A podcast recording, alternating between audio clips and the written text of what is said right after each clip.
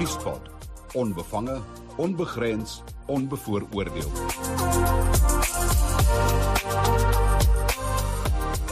Goeiemôre, baie welkom by 'n uh, Nuuspot. Ek het vanmôre 'n uh, vir uh, Willie Spies uh, van Hurter Spies Prokureurs. Goeiemôre Willie. Môre Isak. En dan uh, Dr Pieter Groenewald, die leier van die Vryheidsfront Plus. Môre Pieter. Goeiemôre Isak en ook die ander deelnemers. En dan uh, professor Dirk Kotse aan Unisa. Môre Dirk. Goeiemôre. Goeiemôre aan almal. Ek wil 'n interessante vraag, wel ek dink dis 'n interessante vraag uh na aanleiding van 'n uh, uh, uitlating wat professor Tuli Maronsela gemaak het uh waarin sy sê sy dink ons moet dalk maar kyk na die moontlikheid dat ons eerder amnestie gee aan sekere van die mense wat wie se name betrek word by staatskaping iets wat baie mense natuurlik die harnas injaag en sê nee nee nee nee kyk so kan dit nie werk nie maar nou interessant genoeg vir oggend Daar ehm um, kom Vrye Weekblad toe nou uit en Piet Kroukamp skryf dan nou in sy nuutste rubriek daar maak vrede daarmee. Die meeste staatskapers gaan nie aan die pen ry. Uh so ek dink dit behoort 'n uh, 'n baie interessante gesprek te wees en van en vanuit verskillende hoeke.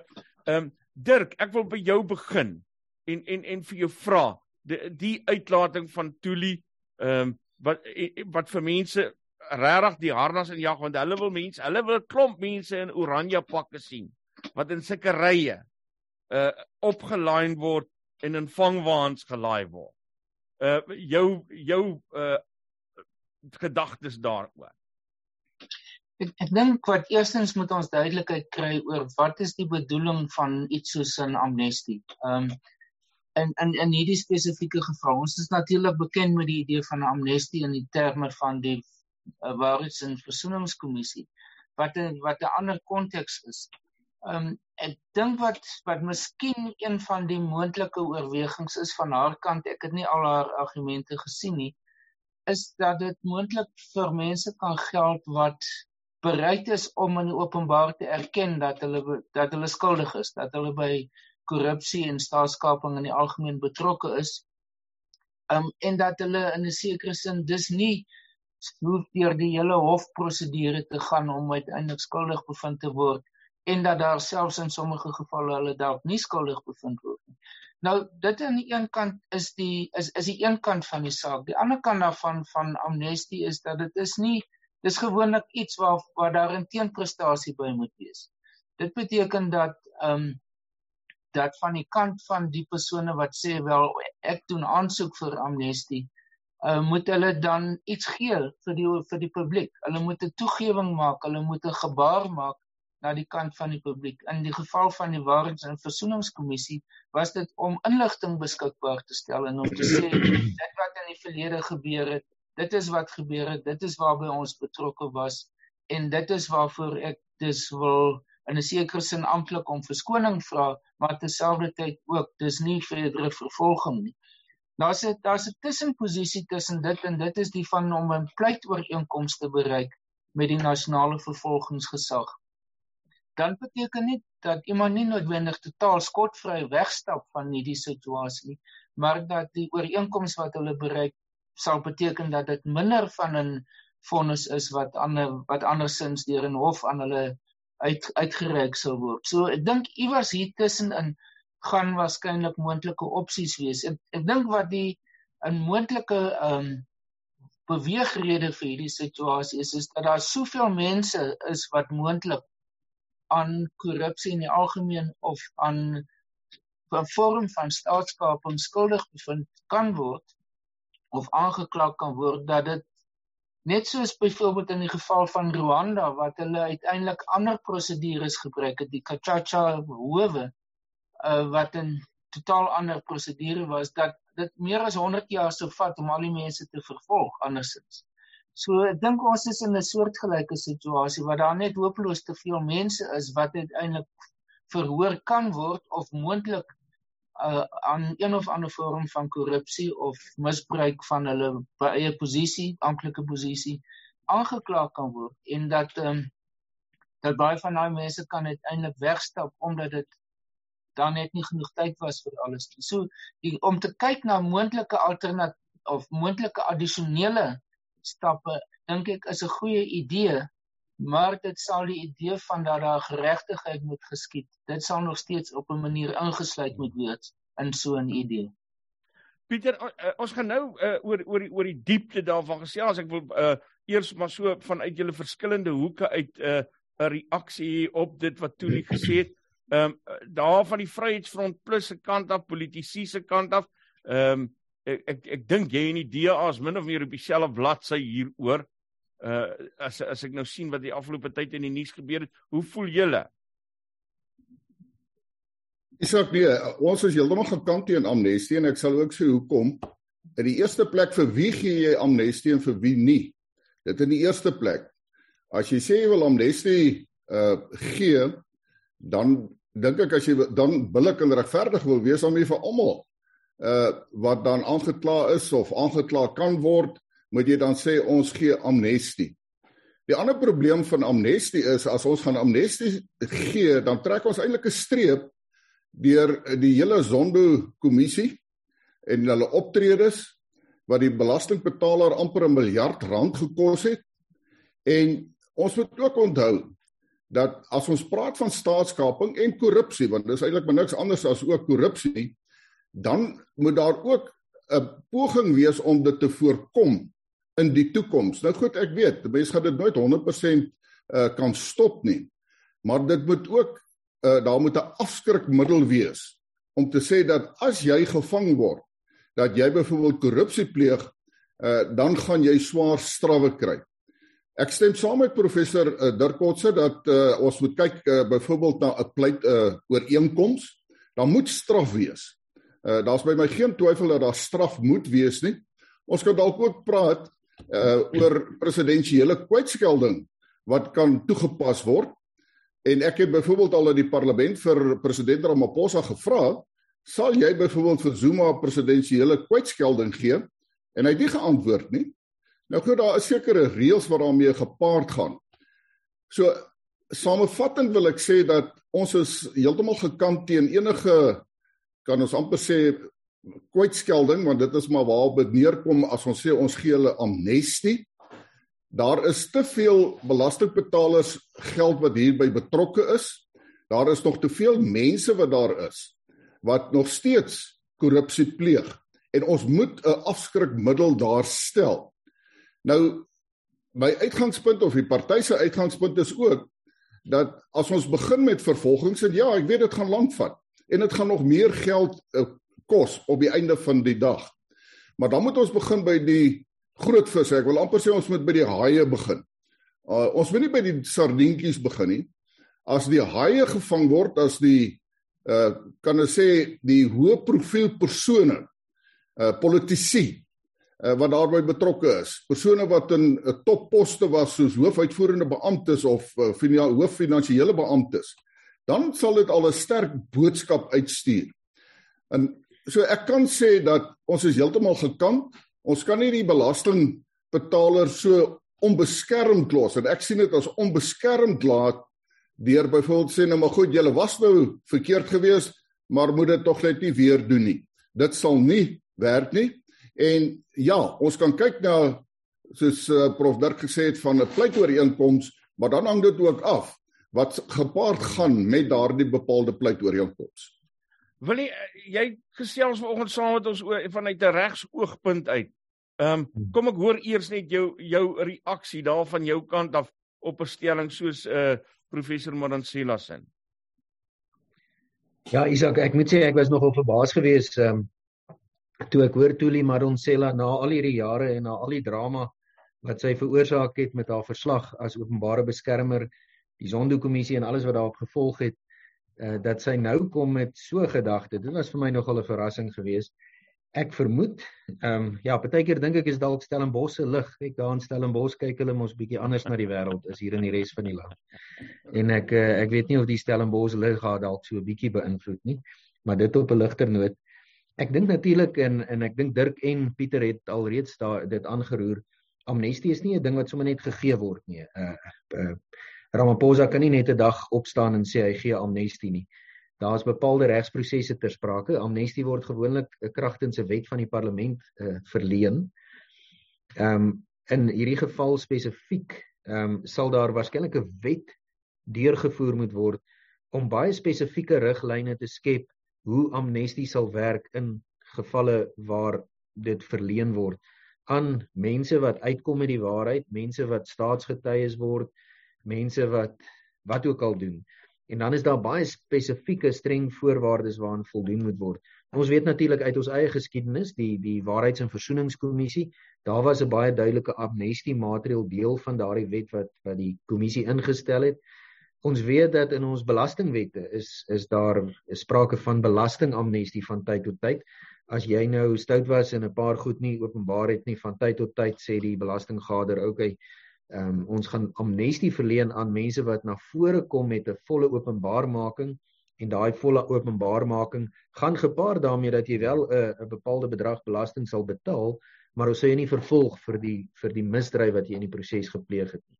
Dieselfde gebruik gebeur ook wanneer jy geld na die buiteland toe geskuif het uh sonder om dit te verklaar van tyd tot tyd sal die reservebank amnestie maatreëls instel om dit 'n uh, voorsiening te maak. Maar weer eens soos Dirk genoem het, soos Pieter noem, dit gebeur onderhewig aan baie streng voorwaardes. Die tweede ding, ek dink die term van 'n pleitooreenkoms is hier genoem.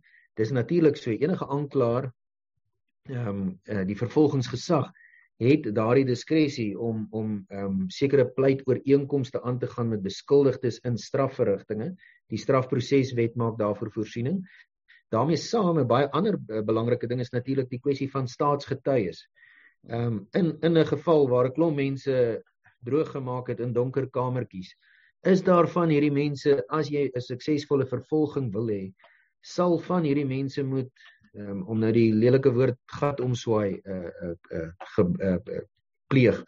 En daar sal letterlik van hierdie beskuldigdes in 'n vervolgingsproses na die staat toe moet gaan en sê wel ek was deel van die van die bende wat gesteel het, maar ek is bereid om teen my bendelede te getuig en ek is uh, bereid om dit te doen in ruil daarvoor dat ek dalk ligter gestraf word of dat ek uh, dat dat dat daar bietjie sagter na my gekyk word wanneer vonnis opgelê word. Nou dit gebeur natuurlik ook, ook onder baie streng gekontroleerde omstandighede en 'n persoon wat 'n staatsgetuie word het geen waarborg dat 'n hof uiteindelik vir hom die ligter straf sal gee waaroor daar waarvoor daar gevra word en en wat deel van so 'n pleit ooreenkoms is nie. Maar dit is alles meganismes wat gebruik kan word. Die laaste een is natuurlik artikel 84 van die grondwet wat aan die president en Pieter het dit ook aangesny aan die president die geleentheid gee om 'n presidensiële kwytskelling te gee. Nou dis die gevaarlikste een van die hele lot. En ek is bevrees uh, Isak tussen ons wat hierso gesels en die mense wat na ons luister Ek dink Ramaphosa het bepaalde probleme en ek praat nou so 'n bietjie as 'n gewone landsburger wat die politiek dophou. Mhm. Die Palapala gebeure is ernstiger as wat ons dink. Mm. Ek dink hy het 'n bepaalde uitdaging. Dit is nie 'n probleem wat sommer net gaan weggaan nie. En die tydsberekening van Arthur Fraser met die Palapala openbaarmakings, alles wat daarmee gepaard gaan, is 'n baie interessante tydbeperking. Dis in aanloop tot die beleidskonferensie van die ANC wat nou plaasvind, is ook ehm um, 6 maande weg uh van die leierskonferensie wat die einde van die jaar gaan plaasvind. Ramaphosa sit met 'n baie groot probleem. Hy moet 'n oplossing kry wat sy eie posisie in die politiek op 'n manier gaan verstewig.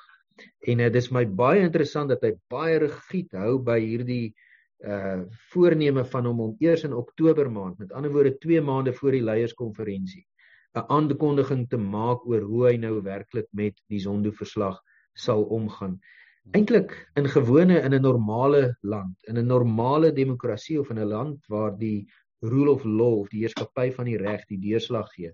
Moes daar nie eers 'n sondekommissie gewees het nie. Hmm. Daar moes 'n vervolgingsgesag gewees het en daar moes 'n polisie mag gewees het wat mense arresteer wat skelm is, wat vervolging instel en wat skuldigbevindings kon verkry in die laaste 16, 17 jaar wat die Zuma uh ehm um, uh, gedrog oor oor die land uh ongelukkig het dit nie gebeur nie. Ehm um, daar was hoeveel male pogings gewees om politieke op, oplossings te kry en hierdie politieke oplossings het telkens beteken dat daar wegbeweeg is van die heerskappy van die reg hmm. en dat daar beweeg is in die rigting van politieke oplossings presidensiële kwytskellings, amnestie, al hierdie mooi woordjies wat skelm ouens uitdink om hulle eie nessies uh uh, uh te veer. Ek is baie bekommerd oor wat in Oktober gaan gebeur en uh, ons moet maar die spasie dop hou. Dirk net voor ek na jou toe kom dat ek net vir 'n oomblik nog by Willie stil staan. Uh want jy het nou 'n belangrike ding genoem wat ek dink baie mense nie besef nie. Ehm um, en dit is uh hoe daar nou vorentoe met die Zondo verslag in elk geval gewerk gaan word uh in in in 'n uh, uh, uh, uh, uh, regtens. Uh dis nie 'n kwessie van iemand gaan nou die Zondo verslag vat 'n klomp mense in hegtenis neem nie. Daar's daai da ondersoeke gaan weer van voor af moet be, begin is dit nie? Dit dis nie asof hulle daai goed uh, kan gaan vat en so op 'n hof se tafel kan gaan neersit en sê kyk hierso wat het hierdie ouens gedoen nie. Dis absoluut dit is absoluut so. Die hele vervolgingsproses moet eintlik van niets af begin wat wel darm 'n uh, een ligpuntjie is en dit is 'n geveggie wat wat uh, ons saam met Afriforum en 'n paar ander burgerlike organisasies um, net voor die instel van die Zondo-kommissie gevoer het. En dit was uh, toe Zuma die kommissie instel, want die ironie van die hele storie is Zuma was verplig as president daai tyd om die kommissie in werking te stel. En toe hy die terme van verwysing van hierdie kommissie bepaal het, was een van die een van die bepalinge wat hy laat inskryf het in die regulasie wat die kommissie ingestel het dat hierdie kommissie die getuienis wat voor die kommissie uh, uh, uh, gelewer word nie gebruik mag word in strafverrigtinge nie. Nou ons het dit uitgedaag, ons het dit uiteindelik met 'n aansoek na die konstitusionele hof toe ehm um, uh, uitgedaag. En eintlik voordat die konstitusionele hof uh, oor die saak kon uitspraak gee, was daar uit ingrype waarskynlik van die Ramaphosa faksie in die ANC en die terme van verwysing van die kommissie is toe is toe verander. uh, wat sê dat hierdie getuienis kan wel gebruik word. Nou uiter, uiteraard is die getuienis nie dit staan nie en op sterkte van die hmm. getuienis alleen kan iemand vervolg word nie. Dit kan maar gebruik word in kruisondervraging in kruisverwysings om die geloofwaardigheid van bepaalde getuienis te toets en alles wat daarmee gepaard gaan. Maar die strafverhoor van elkeen van hierdie sake en die totale bedrag wat hier ter sprake is ek het al gesien van syfers van 49 miljard rand wat wanbestee is in die afgelope klompie jare elkeen van hierdie transaksies is 'n saak op sigself en elkeen van hulle sal 'n vervolging op sy eie daarstel. Dirk, dink jy uh die president kan sy sy uh prerogatief vir presidensiële kwytskelding as 'n politieke instrument aanwend um om homself 'n bietjie te beveilig uh in uh, midde in hierdie faksiegevegte waaraan die ANC op die oomblik is. Uh, nee, ek dink nie so nie Isak. Ehm um, ek dink nie dis iets wat hy gaan gebruik nie. Uh dit is dis nie soos die Amerikaanse president wat dit baie dikwels veral aan die einde van hulle termyne gebruik nie. Ehm um, dis gewoonlik word dit ook vir mense wat reeds in in gefonnis is en reeds 'n uh, 'n uh, vonnis uit uitdien wat gewoonlik kwytskelding kry. Is nie 'n persoon wat voordat hulle gefonnis is of voordat hulle aangekla is kwytskelling kry nie. Dis 'n tipe van immuniteit wat dan eintlik gegee word wat iets anders is as kwytskelling. Hy kan homself kan hy nie kwytskeld nie. Um dit was ook iets wat in die Trump-periode in die Amerikaanse konteks baie ter sprake gekom het of hy homself kan kwytskeld. Ek dink in ons konstitusionele reg is dit glad nie moontlik dat 'n president dit sal kan doen nie. So hierdie verskillende opsies geld nie vir president Ramaphosa nie. Ek ek dink Wat wel geld is, gaan nou besluit wees van die nasionale vervolgingsgesag of daar enigsins gronde is om hom te kan vervolg of um, om aan hom uh, ja, om om om hom hof toe te neem. Ek ek dink dit is ook onwaarskynlik dat dit sal plaasvind. Ek dink wat besig is om te ontwikkel die Pala Pala debat het stil geword in 'n groot mate en en ek dink dit gaan verdwyn uiteindelik want dit is die die persoon wat die die aanklag maak is 'n is is 'n persoon wie se eie integriteit onder verdenking is wat die hoof tema is van een van die verslae een van die volumes van uh, deel uh 5 of 6 van hmm. die Zondo kommissie iemand wat in die hof wat deel gaan wees van die appelhofsaak in April ag nog Augustus vanjaar wat gaan oor die mediese parol en wat reeds deur een hof uh, verklaar is dat hy onwettig opgetree het in daardie verband.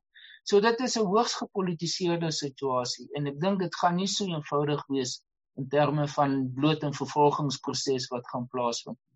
Um ek het vroeër vanoggend dit het ons ook daaroor gepraat in 'n ander program en die feit dat daar soveel lande het wat presidensiële immuniteit het wys daarop dat ek dink in die meeste lande is daar of in baie lande is daar 'n gevoel dat om 'n sittende president te verhoor is nie noodwendig die gewenste situasie en ek praat hier van lande soos die soos die FSA wat so 'n bedeling het. Ehm um, en ek dink uiteindelik wat hulle wel het is sogenaamde impeachment, maar nie die van om na die hof toe te gaan en aangekla te word nie. Net in uitsonderlike met sekere tipes van sake. So ek dink dit is iets wat in baie lande soveel gewig dra dat jy presidente moet na die tyd aangekla word of kan aangekla word en dit het uh, gebeur met president Sarkozy, dit het gebeur met president Lula in Argentinië, met die Suid-Koreaanse president ensovoorts, maar dis nadat hulle uit hulle hmm. poste uit was. So ek dink daar's daar's iets van dit wat hier ter sprake ook gaan wees. Uh, ek meen dis 'n lang debat op sy eie wat dit dit spesifiek beteken, maar die uiteinde van dit alles is ek voorsien nie dat daar in 'n kriminele op 'n kriminele in 'n terme van 'n kriminele saak teen uh, teen president Ramaphosa uh, enige saak ter sprake gaan kom in die nabye toekoms nie. Wat in die toekoms later miskien gaan uitkom, dit weet ons nog. Maar in terme van waar ons op die ja. huidige oomblik staan. Ek ek wil net miskien ook ter, op die vorige punt terugkom en dit is dat ek dink mens moet nie die Zondo-kommissie afskryf asof dit werk gedoen het, maar dit is nou dit het nou tot stilstand gekom. Dat daar moet nou van voor af begin word vanaf die ondersoek nie. Die onafhanklike ondersoekeenheid wat gevorm is binne die nasionale vervolgingsgesag was baie spesifiek bedoel ne, om parallel te werk met die sondekommissie en in baie groot mate eintlik met mekaar te begin oorvleuel. En my vermoede is of verwagting is is dat 'n heelwat van die mense wat by die Zondo-kommissie betrokke was as ondersoekpersone, as persone hmm. van hulle regspanne, waarskynlik gaan oorbeweeg na die nasionale vervolgingsgesag toe. So die institusionele geheue is daar. Dis nie dat hulle totaal van voor af gaan moet begin um met met ondersoeke nie. Die werk wat die Zondo-kommissie gedoen het, was baie belangrik as om 'n grondslag te lê om al die die die die groot die tyd wat die die werk wat baie tyd neem is deur hulle gedoen. Ehm um, so op die basis daarvan die die in 'n siftingproses tot 'n mate het plaasgevind. En ek dink wat so die die feit dat hulle gesê het hulle werk nou op 20 sake en spesifiek 9 daarvan is prioriteitsake. Ek dink dit is wat 'n mens vorentoe gaan moet verwag die rigting waarin die uh sonde uit die nasionale vervolgingsgesag hoe hulle dit gaan benader. Pieter eh, eh, ehm uh, um, die verskillende politieke partye beywer hulle nou ehm um, daarvoor om te sorg dat dat dat eh uh, veral in terme op op op politieke vlak die ANC eh uh, wat maar uh, uitgewys word in hierdie sonde verslag dan nou aan die pen gaan ry. As 'n mens aanvaar dat daar op die ou end iets soos amnestie of 'n soort versagting gaan wees of so. Ehm Eh, eh, eh, maar mens kyk na name soos Malusi Gigaba, Faith Mutambe en Nomvula Mokonyane, uh Jacob Zuma. Uh watter uh, watter mense wat sou julle as die belangrikste uitvloeisel uit hierdie uh, staatskapingsverslag wou sien? Ehm um, wat, wat is die belangrikste mense wat daardeur geraak moet word? Ek dink die belangrikste uitvloeisel moet wees uh, Isak is soos ek gesê dat daar moet begin word by die hoë profiel persone. Nou laat ek ook dadelik sê dat uh prof Dirk is heeltemal korrek om te sê kwytskelding kan eers plaasvind as daar 'n skuldige bevinding is. Maar ons moet ook vir mekaar sê politiek speel 'n groot rol. Ek weet daar kan polities gesê word agter geslote deure, maar kom ons gaan deur die proses. Ek sal op besorg dat op die einde van die dag dat daar kwytskelding is en ek het dit en miskien kan wil julle vir ons help dat as jy presidensiële kwytskelding het, dan word ook jou kriminele rekord uh van die bladsy afgevee. wat ons verwag in die parlement en ons is steeds op hier oomblik is ons besig daarmee. Ons het byvoorbeeld as oppositieleiers het ons die spreker gesien het gesê maar ons kan ons nou nie net terugsit en wag vir 'n verslag van die president nie. Die parlement is aangespreek uh ook in die sondekommissie oor sy oorsigrol. En het ons nou gevra dat daar moet 'n spesiale komitee saamgestel word en dan moet gekyk word na daardie persone wat geïdentifiseer is en wat parlementslede is. Want die parlement het die bevoegdheid om op te tree teen sulke parlementslede. Hy kan natuurlik nou nie optree teen 'n persoon wat nou nie 'n parlementslid is nie en wat nou 'n misdrijf gepleeg het nie. Maar hy kan wel by die lede wat tans daar is en jy het 'n paar name daar genoem.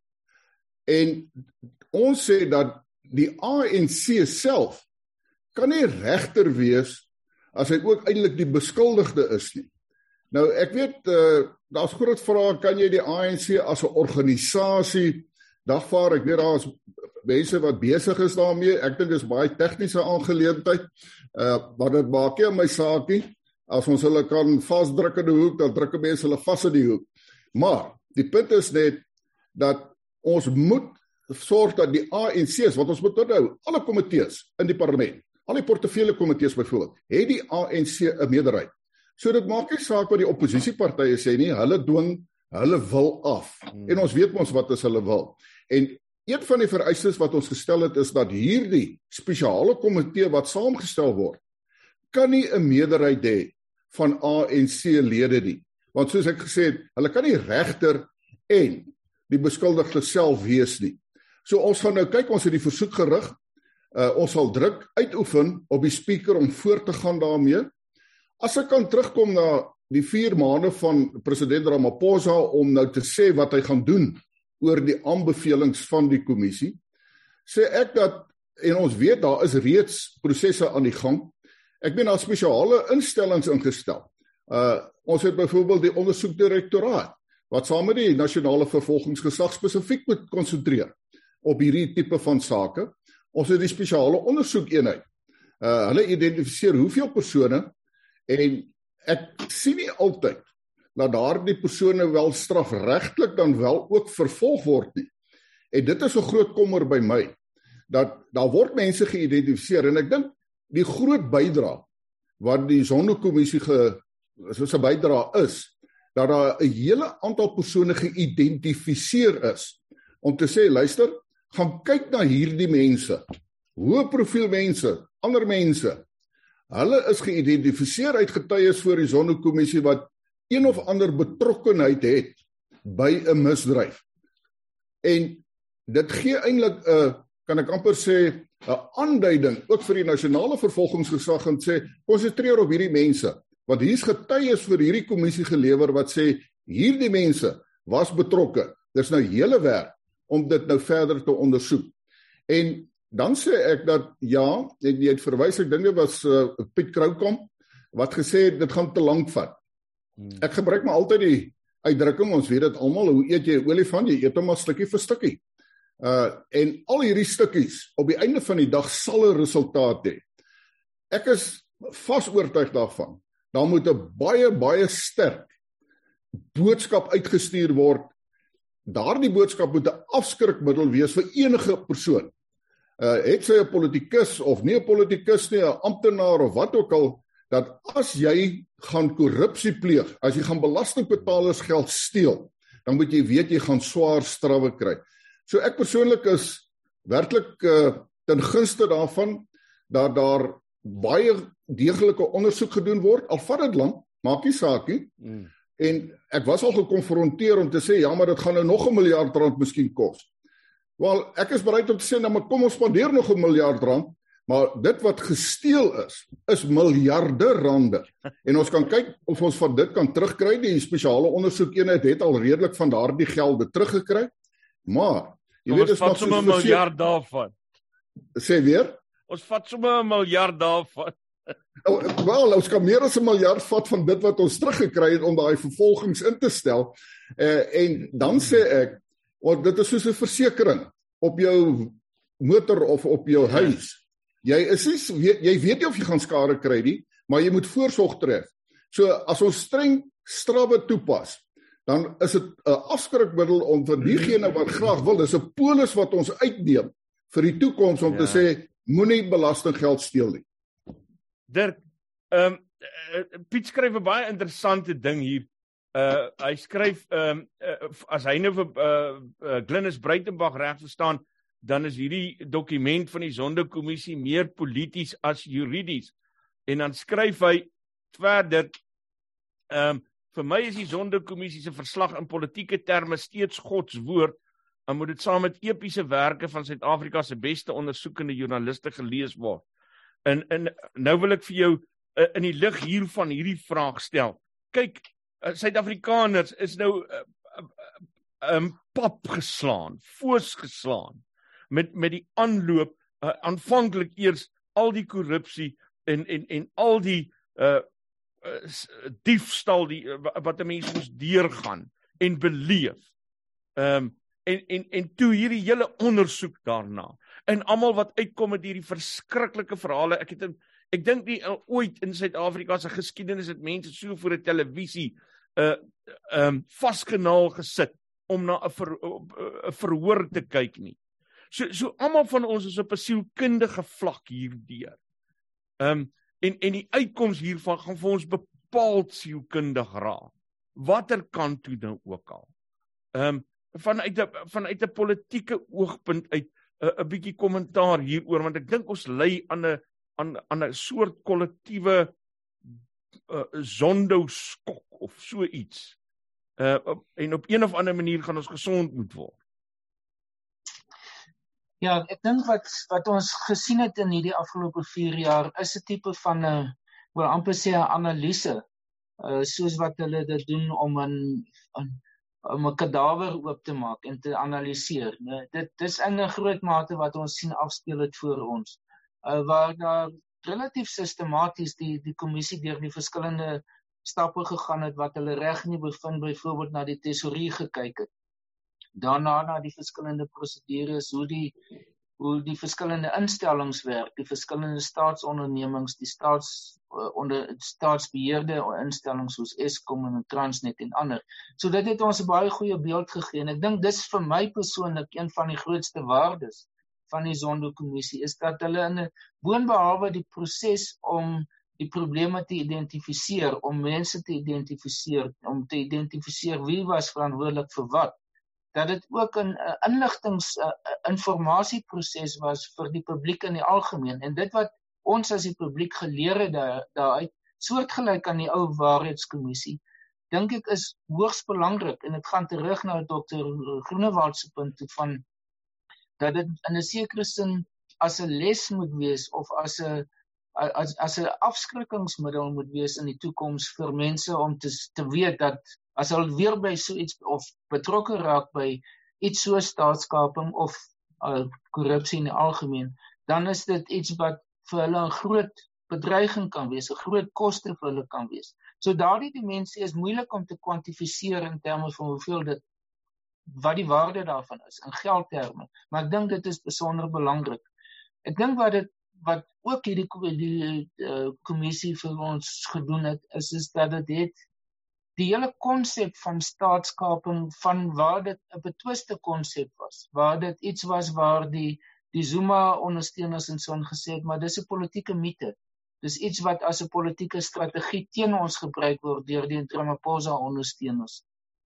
Dat daardie argument omtrent nie meer werkbaar is, dat dit nie meer gebruik kan word, dat die die inhoud van staatskaping baie meer duideliker geword het. So ek dink wat nou waar ons nou staan is dat mense aan die een kant ja, die publiek verwag daar moet vervolgings wees en daar moet uh, mense moet gestraf word en daar moet 'n 'n openbare bestraffing wees van die mense wat daarbey betrokke wees was of in 'n sekere sin selfs nog is. Um maar terselfdertyd dink ek is daar ook 'n gevoel dat daar moet iets gedoen word om te verhoed dat dit ooit weer in die toekoms kan gebeur. Hm? dat daar 'n herhaling daarvan kan wees op 'n later stadium. So dit gaan oor nie net dis die strafregtelike element hiervan nie, maar ook wat is die die herstrukturering, die hervorming van die openbare sektor in die algemeen. En daar is 'n groot klomp uh aanbevelings wat deur die Zondo-kommissie gemaak is wat begin by byvoorbeeld hoe aankope gedoen moet word. Dit is al reeds in hulle eerste gedeelte van die verslag hoe om dit te professionaliseer, hoe om mense aan te stel wat wel bevoeg is om dit te kan doen, hoe om daarna die aanstelling van mense in senior posisies by staatsbeheerde onder, on, ondernemings, uh die rade van hierdie ondernemings, dan gaan dit verder na ehm um, byvoorbeeld na hoe om die die die die intelligensie uh diens hoe om dit te verander te herstruktureer en as ook die Sydney Mofamadi verslag en die Sandy Africa verslag wat gespreek is sodat dat dit loop baie wyd En ek dink uiteindelik wat wat ons ook gaan sien is dit dit spoel natuurlik nou oor na die na die politieke situasie. Mm. En ek dink wat ons sien wat besig is om plaas te vind is dat die publiek is besig om die ANC te straf daarvoor. Ons het gesien in verlede jaar se verkiesing. Ons het dit in 2019 se verkiesing gesien en die ANC is besig om 'n baie groot hoë prys te betaal vir dit. Mm. Want ten spyte daarvan dat president Ramaphosa sy administrasie voorstel as 'n periode van vernuwing as om die ANC weg te neem van die korrupsie om teen korrupsie op te tree. Uh, dink ek word dit nie deur die publiek aanvaar nie. Nee, die hy as persoon is is is uh, gewild, maar die ANC is nie gewild. Daar's 'n gaping wat daar ontwikkel tussen hom en die ANC en hy kan nie daai gaping toemaak nie. Hy's ek dink dit is vir hom een van sy grootste frustrasies. En ek dink met voor oor 2 jaar se verkiesing gaan hierdie proses aangaan. So vir die die die Zondo-kommissie en dat dit wat daarmee saamgaan het eintlik in 'n sekere sin, ek dink die die verswakking en die intuimeling van die ANC verraas. Um, en dit dit is waar die publiek en dit waarvan jy gepraat het en wat die beginpunt van jou vraag was waar dit bymekaar uitkom is is dat ek dink nou ons gaan dit sien in terme van amptelike optrede dat daar 'n 'n skoonmaak of 'n 'n 'n suiweringsproses in die openbare sektor gaan plaasvind nie. Dis eerder die publiek nou het in 'n groot mate gesê ons is die wat dit moet doen. Dink die die een aspek waaroor min mense praat, nie, is dat dit is nie net die privaat sektor al die openbare sektor wat hierdeur geraak word. Die privaat sektor ook. Hmm want die meeste van die korrupsie wat ons sprake was het 'n vernoot nodig gehad in die privaat sektor of dit nou Bosasa is en of dit die Guptas is en of dit hmm. KPMG is en of dit uh watter uh, instelling uh, Bell Pottinger en hierdie groeperings is so dit waaroor nog min gepraat word is wat gaan die privaat sektor doen om te verhoed dat dit in die toekoms gaan plaasvind Willie, ehm um, as 'n mens die omvang hiervan in ag neem uh, en, en jy besef dat dat dat dit is so groot nê dat daar dat dat waarskynlik die grootste deel nie eers ondersoek is nie. Maar okay, ons sit nou met dit wat ons het. Uh, die waarskynlikheid is dit dit dat dit selfs ook vir ons te groot is om te hanteer. Ehm um, uh, en 'n mens dalk 'n bietjie kleiner sou moet afkamp soos wat ons nou gesê het. Jy uit jou verhouding met Afriforum het het byna daagliks te doen met ons regstelsel uh en en die vermoëns daarvan. Uh het, het jy vertroue in ons stelsel dat dit dat dit selfs net 'n ou bietjie, 'n klein deeltjie van hierdie groot gemors sal kan hanteer? Ek het 'n uh, ek het vertroue in 'n mate uh um Isak en ek um ek sal sê dat dit Ek dink daar is op die regbank op die veral by die Hooggeregshowe die Appelhof en die Konstitusionele Hof is daar baie duidelik by die regters 'n sterk verbintenis teen korrupsie. En ek dink mense sien dit redelik in die uitsprake wat daar ehm um, gelewer word oor die algemeen. Maar ek is wel baie bekommerd dat die korrupsie so deel van die Suid-Afrikaanse samelewing geword het uh, dat dit so vervleg geraak het met die samelewing dat ek nie weet of Suid-Afrika as 'n land sal kan omdraai nie. Ek ek hoor wat Dirk sê en ek ek wil nie graag sinies klink nie. Ehm um, dis wonderlik dat die Zondo kommissie verslag daar is. Dis wonderlik dat die Zondo kommissie die werk gedoen het wat hy gedoen het en ons ek ek het dit ondersteun al die pad en ek uh, ek kyk met verwagting uit wat daai gaan voortvloei. Maar ons moenie ek dink dis effens naïef om te sê dat die Zondo kommissie verslag half 'n uh, paal in die in die in die grond ingeslaan het en gesê nooit weer gaan dit gebeur nie. Want die Zondo kommissie was besig met sy werk toe die PPE korrupsie plaasgevind het. Die PPE korrupsie, die diefstal van staatsgeld en van belastinggeld uh deur mense wat hierdie ellendige maskers vir vir ehm um, 10 keer die prys verkoop het, 100 keer die prys verkoop het met staatsgeld. Daai goed het gebeur terwyl die Zondo-kommissie sy werk gedoen het. Dit was nie eers deel van die ondersoek gewees nie.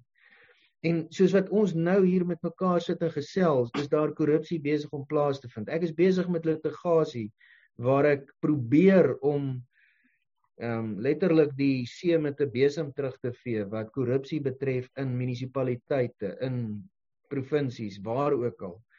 Dit is vir my 'n bitter bitter ons ontstellende situasie waarin ons op die oomblik is en daarom beland ek miskien bietjie meer in die siniese kamp wat sê ek dink nie ons moet te veel verwag uh van wat hier gaan kom nie die feit dat iemand soos Tuli Madonsela wat 'n persoon is wat wat hoog aangeskrewe word en nog gesien is as een van die bakens van hoop alreeds geleide begin maak oor amnesties en politieke oplossings en al hierdie tipe van nonsens is vir my 'n groot waarskuwingslig en ons moet maar baie baie op ons hoede wees vir die pad wat vorentoe lê.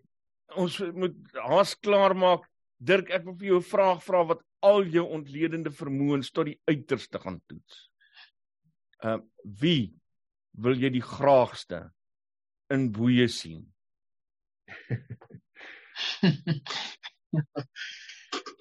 ek dink die die persoon wat na my mening die in die eerste instansie verantwoordelikheid moet neem vir dit is president Zuma. As president Zuma as president van Suid-Afrika op daardie stadium nie ten gunste was of nie ge, dit nie toegelaat het nie, sou hy 'n groot verskil kon gemaak het. Want die hele konsep van die staatskaping, nee, sou nie kon plaasvind sonder die medewerking van die president nie. Dan sou alles baie meer in onder onder die grond, nee, uh moes plaasvind en agter die skerms en ek dink uiteindelik is die persoon in die eerste instansie wat die verantwoordelikheid daarvoor moet neem is is hy. Ehm um, ek dink tweedens gaan daar 'n groot hele klompie ministers wees. Nomvulo Mokonyane is word dikwels genoem, né? Uh David Maslobo wat by intelligensie betrokke word was word dikwels genoem. Hierdie persone wat nie kan sê hulle was onder druk van meer senior persone om sekere werke te doen. Wat sommige van die junior persone of meer junior persone kan sal sê hulle was persone wat die finale besluitnemings besluitnemers in 'n groot mate was. En hulle het die inligting die inligting of die getuienis wat voorgelê word is dat hierdie persone baie duidelik baie goed geweet het wat wat besig is om plaas te vind. So ek dink dit is persone Mm. Die Guptas as hulle uiteindelik hier kan land, ja, dit gaan ook 'n belangrike ek dink simboliese stap wees as mm. as dit werklik die geval is dat hulle kan word uitgelewer en dat hulle skuldig bevind kan word. Dit sal na my mening dink ek is die is die hooffigure wat 'n baie belangrike boodskap na die publiek in die algemeen kan uitstuur. En daai ander senior ehm um, ANC lid Pieter Cyril Ramaphosa Wat van hom? Kyk, ja, kyk as as ek daarop kan reageer, Isak, as jy vra wie sal ek graag in boeye wil sien, ek dink Dirk het dit nou aangeraak. Ek sal graag die Guptas in boeye wil sien. Uh dit uh, sal 'n groot oorwinning wees, uh, maar daar's nog 'n lang pad as dit daarna toe gaan. As ons praat oor Cyril Ramaphosa, wil ek sê ek het toevallig 'n toespraak in die parlement gehou. Want Cyril Ramaphosa het verwys na die 9 verlore jare. En ek het vir hom gevra. Ek sê wel daai 9 verlore jare, 'n groot deel daarvan was jy die adjunk president. Wat het jy daaroontrent gedoen? Later toe hy president geword het, het hy die uitlating gemaak en gesê die ANC is beskuldig tot nommer 1 as dit kom by staatskaping en korrupsie. Dit het ek vir hom gevra. Toe sê ek meneer, ek het nou Engels gepraat, toe sê ek maar meneer president, jy is nommer 1 van beskuldigde nommer 1. Wat het jy gedoen? En ek moet nou eerlikwaar sê, ek dink die Sonnekommissie was sag op president Ramaphosa. Maar as jy mooi gaan lees wat die uh, Sonnekommissie sê, sê hy eintlik dat uh, Ramaphosa is medepligtig aan die korrupsie wat plaasgevind het. Hy was bewus daarvan. Uh daar's byvoorbeeld verwys na die Mofamari verslag. Onthou die Mofamari verslag was al in 2018 aan die president oorhandig wat uitdruklik gesê het hier is belastinggeld teen miljoene per maand gesteel en wan aangewend. En hy het niks gedoen daaromtrent nie. Ons sit nou al in 2022. So uit daai aspek is hy medepligtig en ek glo daardie aspekte gaan 'n rol speel uh as dit gaan by die hofsaak om byvoorbeeld die ANC as organisasie aan te kla. In watter mate was hulle medepligtig en watter mate het hulle bevoordeling gekry? Watse bevoordeling het uh president Ramaphosa gekry? Uh hy gaan sê maar ek het geen finansiële bevoordeling gekry, maar hy het 'n politieke bevoordeling gehad te daaruit.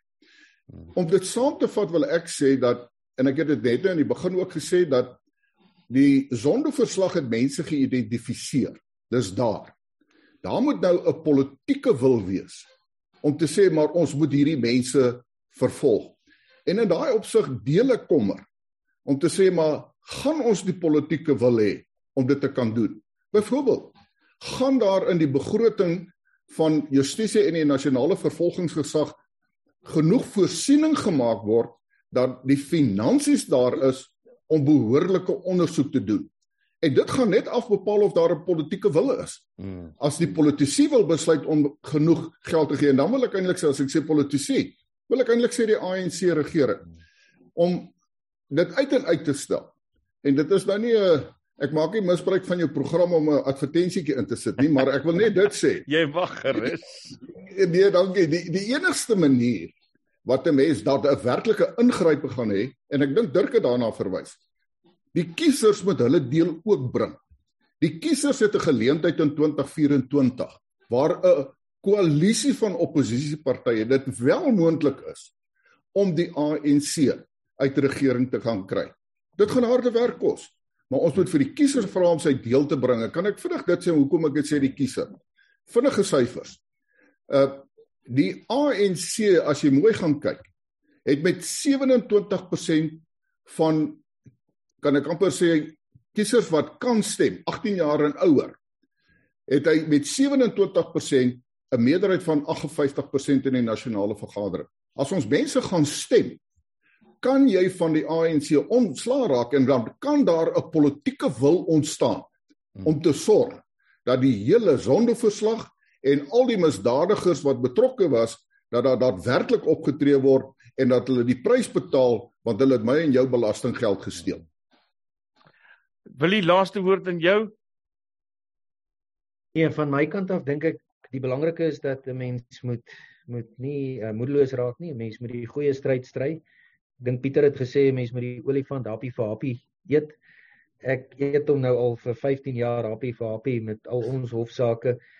En uh, ek dink elkeen van ons op ons eie manier um, lewer 'n bydrae en dit begin waarskynlik by jouself ook maar jy weet dit begin by die vraag of jy omkoopgeld aan 'n verkeersbeampte betaal as jy afgetrek word van die pad af. Ek dink dis noodsaaklik om integriteit weer terug te bring. Ehm um, elke mens moet met integriteit optree en elke mens moet besef dat ehm um, dit neem twee, it takes two to tango soos die Engelsman sê. Dis belangrik dat die privaat sektor reg reggerig word, dis belangrik dat die staat reggerig word. Of die huidige regering dit gaan doen, twyfel ek baie sterk maar dalk in 'n volgende bedeling. Ek sien uit na daai volgende bedeling. Willie Spies, uh professor ehm um, Dirk Kotse en uh Dr Pieter uh Groenewald, baie baie dankie vir julle tyd wat julle van hier spot gemaak het. Goed gaan. Dankie. Dankie. Baie dankie. Groete. Nuuspot. Onbevange, onbegrens, onbevooroordeel.